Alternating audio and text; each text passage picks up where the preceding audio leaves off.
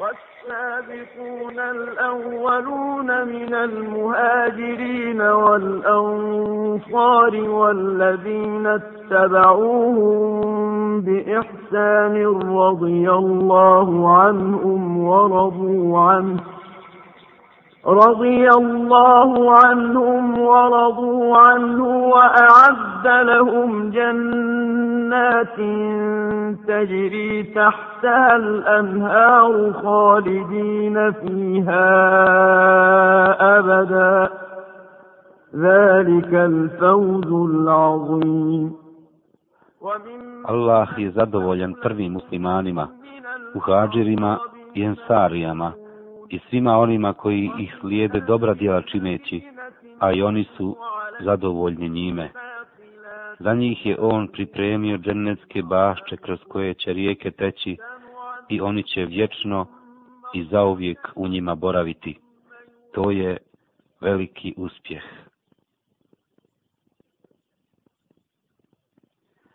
Živjela je Esma, kćerka Ebu Bekrova, sto godina a da joj nije falio ni jedan zub i bila je sve do kraja života prisebna. Ova vrijedna ashabika je bila znamenita sa više strana. Otac joj je bio ashab, djed joj je bio ashab, sestra joj je bila ashabika, njen muž je bio ashab veće časti. Njen otac je bio bliski prijatelj Allahova poslanika i njegov zamjenik poslije njegove smrti. Djedio je bio Ebu Atik, otac Ebu Bekra. Njena sestra je majka svih mumina Aisha, neka je Allah zadovoljan njome, čista i kreposna. Njen muž je bio uz Allahova poslanika Zubeir ibn Avam. Njen sin bijaše Abdullah ibn Zubeir, neka je Allah zadovoljan s njim, i sa njima svima. Dovoljno je da je ona kćerka Ebu Bekra. Esma je među prvima primila islam. U ovoj velikoj blagodeti preteklo je samo 17 osoba. Nazvana je vlasnica dva pojasa, zbog toga što je pripremila Allahovom poslaniku i svome ocu na dan hijdžre u Medinu hranu i piće, pošto nije imala čime da prireže hranu i piće za sedlo jahalice, dosjetila se da raspolovi svoj pojas na dva dijela i jednim je privezala kesu s hranom, a drugom polovinom je privezala vodu za sedlo jahalice. Molio je Allaho poslanik da joj Allah podari takva dva pojasa u džennetu, te je zbog toga prozvana vlasnicom dva pojasa. Oženio se Zubeir ibn Avam sa njom u vrijeme kada je bio jako siromašan. Nije imao poslugu koja bi mu pomogla, niti metka kojim bi zadovoljio bar osnovne potrebe svoje porodice. Imao je samo konja. Za njega nije bilo većeg bogatstva od dobre žene.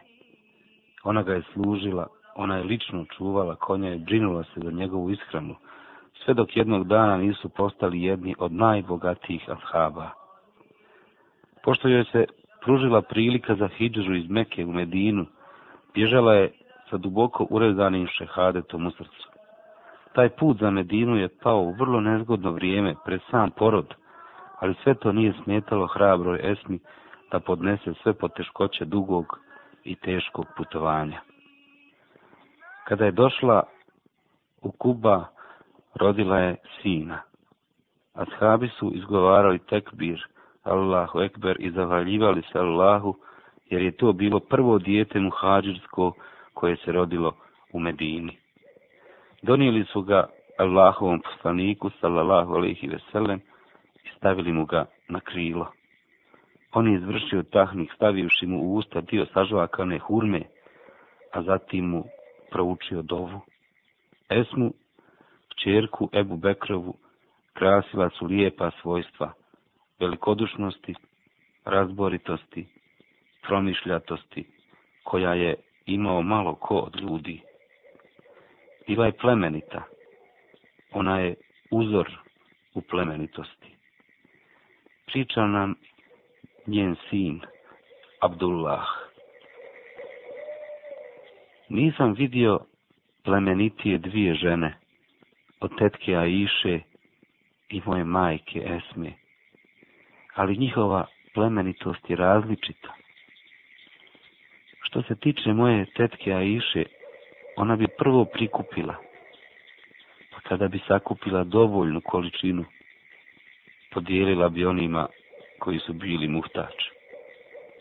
A moja majka bi odmah dijelila, ne bi ništa ostavljala za sutra. Esma je bila oštroumna, znala se snaći i u najtežim situacijama.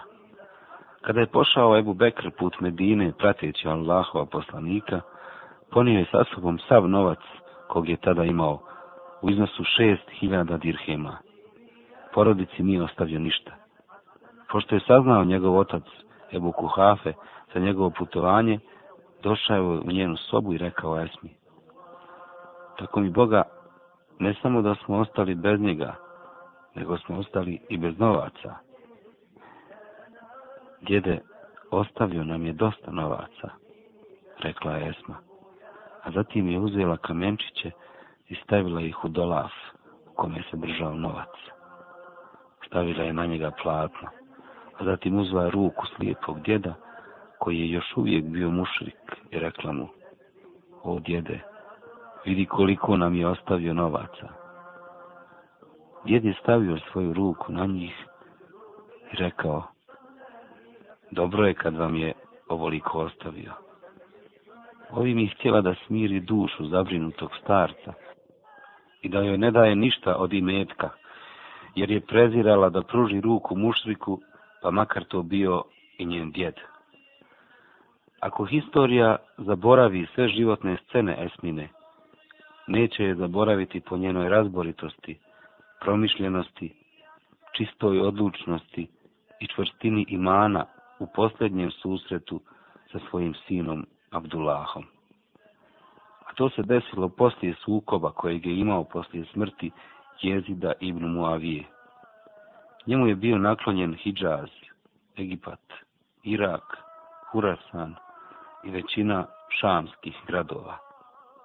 Ali su Beni Umeije postali veliku i jaku vojsku pod vodstvom Hadžađa ibn Jusufa el Sekafija i došlo je do žestoke borbe između dvije zaračene strane, kojima se Abdullah pokazao jako hrabrim i odvažnim, kao što to dolikuje junaku kao što je on. Međutim, njegove pristalice jedan po jedan su ga napuštale, pa je pribjegao u harem i šerif Mekanski. Zatražili su spas, on i preostali dio pristalica u okrilju veličanstvene Kabe posrednu predsmrt ušao je svojoj majici Esmi, koja je već bila slijepa, oronula starica. Obratio joj se riječima, Eslam aleiki, o majko, neka je Allahov rahmet i bereket na tebe. Odgovorila je, aleike selam u Abdullahu. Zašto si mi došao u ove sate, dok hađač gađa tvoju vojsku kamenjem iz katapulta u Harem i Šerifu, od koga se tresu mekanske zgrade. Došao sam da se posavjetujem sa tobom, odgovor je Abdullah. Tražiš savjet, u čemu? Upita starica. Odgovorio je, ljudi su me ostavili i odvojili se od mene iz straha od hađađa ili iz požude za onim što im on obećava. Tako da su me, čak i moja djeca, otac i porodica ostavili sa mnom, niko nije ostao osim malog broja ljudi. A i ova mala skupina, koliko god se borila, neće izdržati više od jednog sata ili dva. A izoslavnici Benu Umeta pregovaraju i obećavaju mi da će mi dati šta god hoću od Dunjaluka, samo da odložim oružje i da priznam halifu Abdul Melika ibn Mervana za halifu. Pa šta ti misliš o tome? rekla mu je povišenim tonom. Kako god hoćeš, o Abdullahu, ti najbolje poznaješ svoje stanje. Ako misliš da si na istini i da pozivaš u istinu, strpi se i bori se kao što su se borili tvoje pristalice koji su poginuli u tvojim redovima. Ako si tim sukobom htio dunjalučke interese, teško tebi, upropastio si sebe i svoje saveznike. Danas ću sigurno poginuti, reče Abdullah. To ti je bolje od svjesne predaje hađađu i da se igraju sa tvojom glavom dječaci Benu Umejeta, dodala je majka. Ja se ne bojim smrti, nego se bojim da se na meni ne budu izživljavali, reče Abdullah a njegova majka dodade. Nema razloga da se čovjek boji nečeg poslije smrti, jer zaklanoj ovci ne smeta zguljivanje kože. Osjetila se radost na njegovom licu i rekao joj je, Allah te blagoslovio, o majko, blagoslovljene su tvoje veličanstvene vrline. Ja sam došao tebi u ovo vrijeme da bih čuo od tebe ono što sam čuo. Allah najbolje zna da ja nisam pokliknuo i on je svjedok da ja ovo ne radim iz dunjalučkih interesa i radi njegovih ukrasa, već to radim u ime Allaha, u ime istine, da se ne bi poigravalo sa Allahovim zabranama i svetostima ja mislim da možeš biti zadovoljna mojom prošlošću. Pa, ako ja budem ubijen, ne žalosti se za mnom i prepusti to sve Allahovoj volji. Ja bih te žalila ako bi poginuo radi neistine, odgovor jesma. Budi sigurna, o majko, da tvoj sin nije nikada učinio nevaljalo dijelo svjesno niti prekršio Allaha u odredbu, niti je obmanuo povjerenje, niti je svjesno učinio zulu muslimanu ili nemuslimanu. Kod njega nije ništa vrijednije od postizanja Allahova zadovoljstva. Ovo ne govorim radi pravdanja sebe. Allah najbolje zna moje stanje. Ovo govorim radi da bih unio sabor u tvoje srce. Hvala Allahu koji mi te dao takvog, da je Allah tobom zadovoljan i da sam ja tobom zadovoljna. Primakni se, moj sinčiću, da osjetim tvoj miris, dotaknem tvoje tijelo, jer je ovo posljednji naš susret, reče Esma. ودع الدنيا رضيا وهو بالروح يجود عن حياض I prišao je Abdullah svoje majici, čvrsto je zagrlio, ljubeći joj lice i stopala. I ona je primakla glavu svome sinu, mirišući ga i ljubeći njegovu glavu, lice i vrat, i raširila je ruke, grleći njegovo tijelo. A zatim je sklonula svoje ruke sa Abdullaha, govoreći mu, a šta si ovo obukao Abdullahu? Svoj pancir odgovorio je, ovo nije odjeća onog ko želi šehade to Abdullahu, dodade majka. Ja sam ga obukao, majko, da bih te udobrovoljio i da bih smirio tvoje srce, reče Abdullah. Skini ga sa sebe, reče majka da li ti to daje povoda za oholost i hrabrost i pomaže ti u zamahu, a sprečava te u pokretima? Ali u buci umjesto njega duge hlače, tako da prilikom pogibije ne otkriješ sramotne dijelove tijela. Skinuo je Abdullah svoj pancir i pritegao svoje hlače, a zatim se zaputio prema haremu da bi nastavio borbu. Pri rastanku sa majkom obratio joj se riječima. Nemoj zaboraviti da moliš za mene, o majko. I Esma je podigla ruke prema nebu, učeći ovu dovu.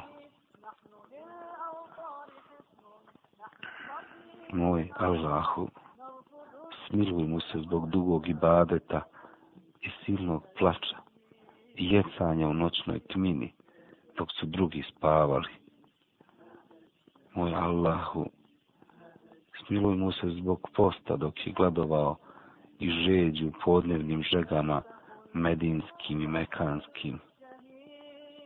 Moj Allahu, smiluj mu se zbog njegova dobročinstva ocu i majici. Moj Allahu, ja svoj hal prepuštam tebi i zadovoljna sam sa onim što si mu odredio i daj mi snage da se strpim i nagradi me nagradom koju obećavaš za strpljive.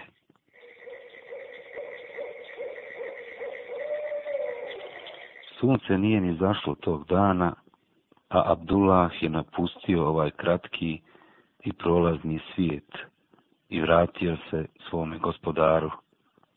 I nije prošlo nešto više od deset dana od pogibi Abdullaha, a Esma, kćerka Ebu Bekrova, umire navršujuši sto godina, a da joj nije nedostajao ni jedan zub i da nije bila senilna.